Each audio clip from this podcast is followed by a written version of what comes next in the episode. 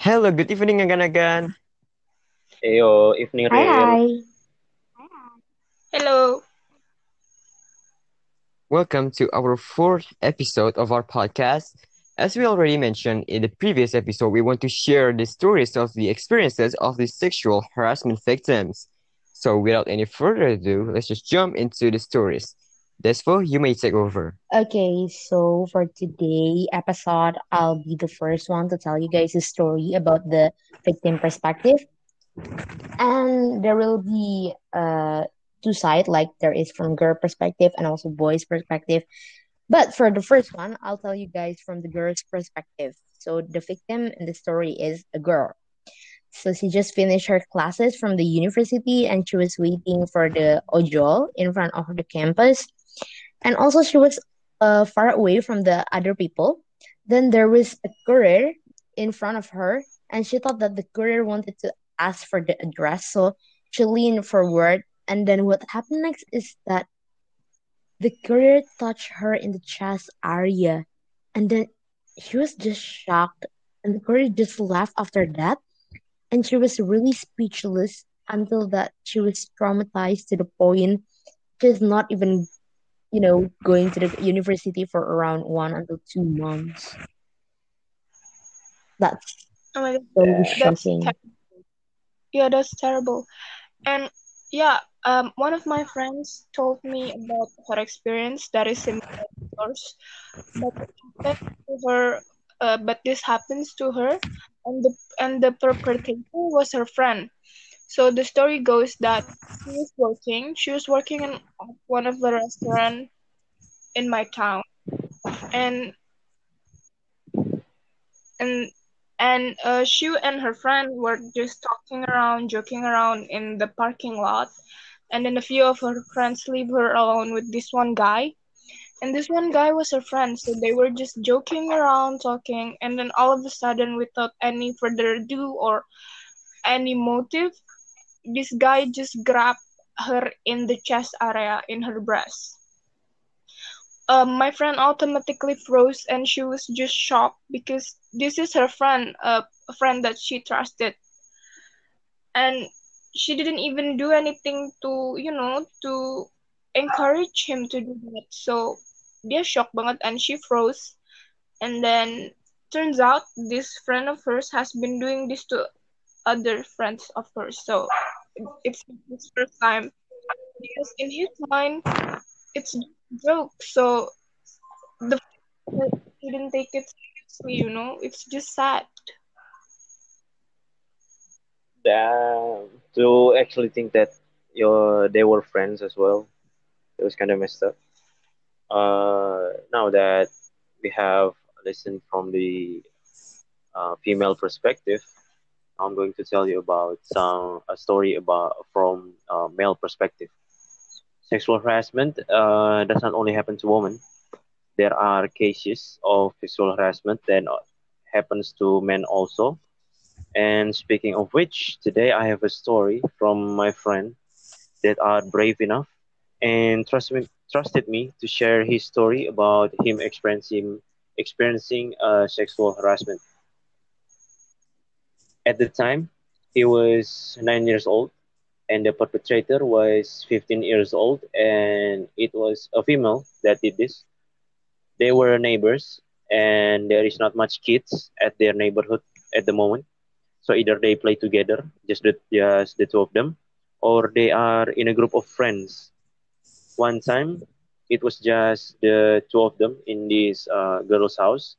They were playing around, and all all of a sudden, uh, she started touching he, my friend's uh, chest area and asked if it tickles.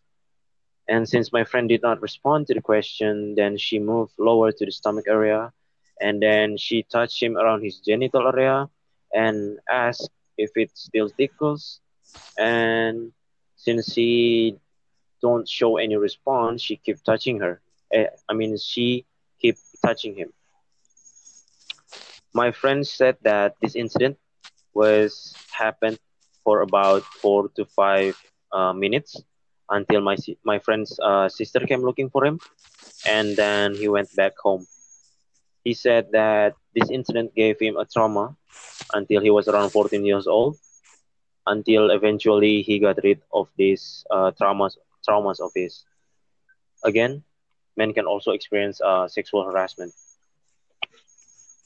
Wow. Yeah, I agree with you, dude. I mean, uh, it's just mind blowing. So, uh, okay, this is a story um from my friend. So I'm just gonna pretend to be him, okay? So, first of all, I'm not a super masculine type of guy, and I don't have a very tall body posture, and but I have a I have a big back area, you know, you know what I'm talking about. And one day, one of my friends had the guts to hump my back area while the in the middle of flag ceremony, and you know his genetical you know genital area was kind of hard, but I didn't stay still, you know, and then I hit his genital area, but then again he wasn't the only one who did that on me.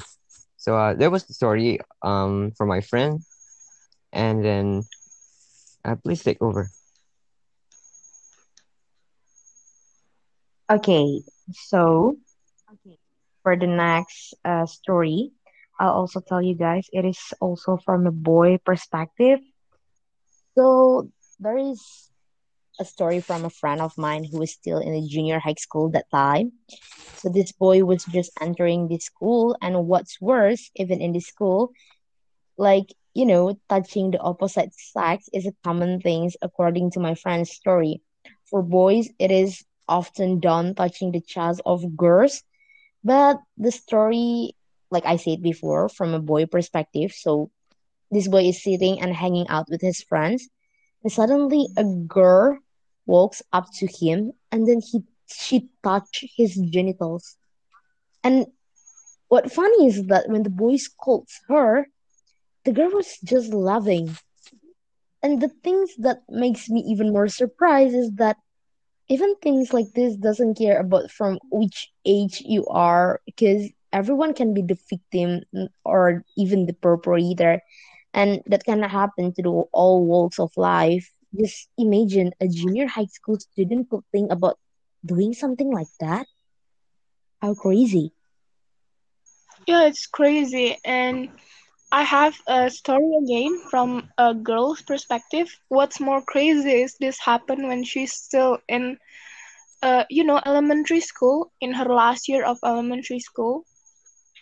So this friend of mine, this is a this is an old friend of mine. She uh sekolah, dia pergi sekolah that day, and then uh, sekolah dia tuh deket sama rumah. Jadi uh, di di istirahat kedua dia sadar kalau her books was left in her home and because she thought that oh my uh, my home is not that far i think i can go i can walk to my home and then take it and then go back to the school. So she did just that. So uh, when her on her way back to school uh, dia ngelewatin rumah tetangga dia yang udah udah lama kenal and even her parents know about this couple. The husband was at home and because she's familiar with the family uh, husband the husband was uh, offering her a lift back to school. So he said that uh, come by first and I will take you back to school. But turns out he has other motive. Jadi uh, at that time my friend doesn't wear like dalaman under her skirt, so it's just her and her underwear. So she came into his home, didn't think of anything, just that she was very thankful because he offered a lift back home, but the so when she came into the home because there's nobody else there, just her and that man.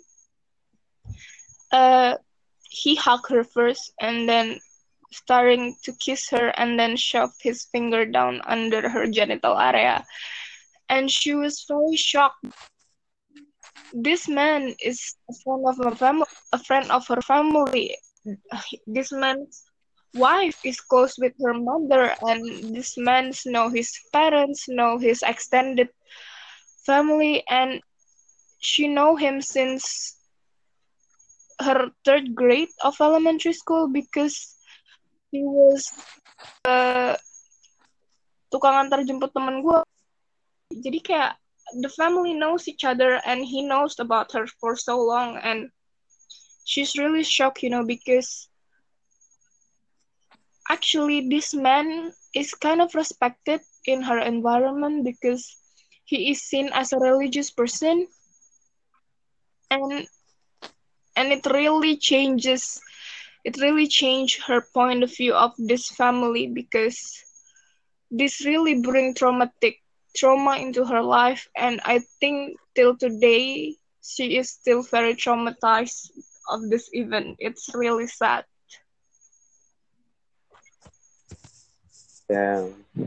What a real sad story. yeah Okay, and I that's all um for for our um storytelling to you guys about the sexual harassment uh, from the uh, victim's perspective. And that's all for today's um podcast. I hope you guys enjoyed it and stay tuned also. Okay, thank you see you in the guys. next Thank you for tuning in, Bye. guys.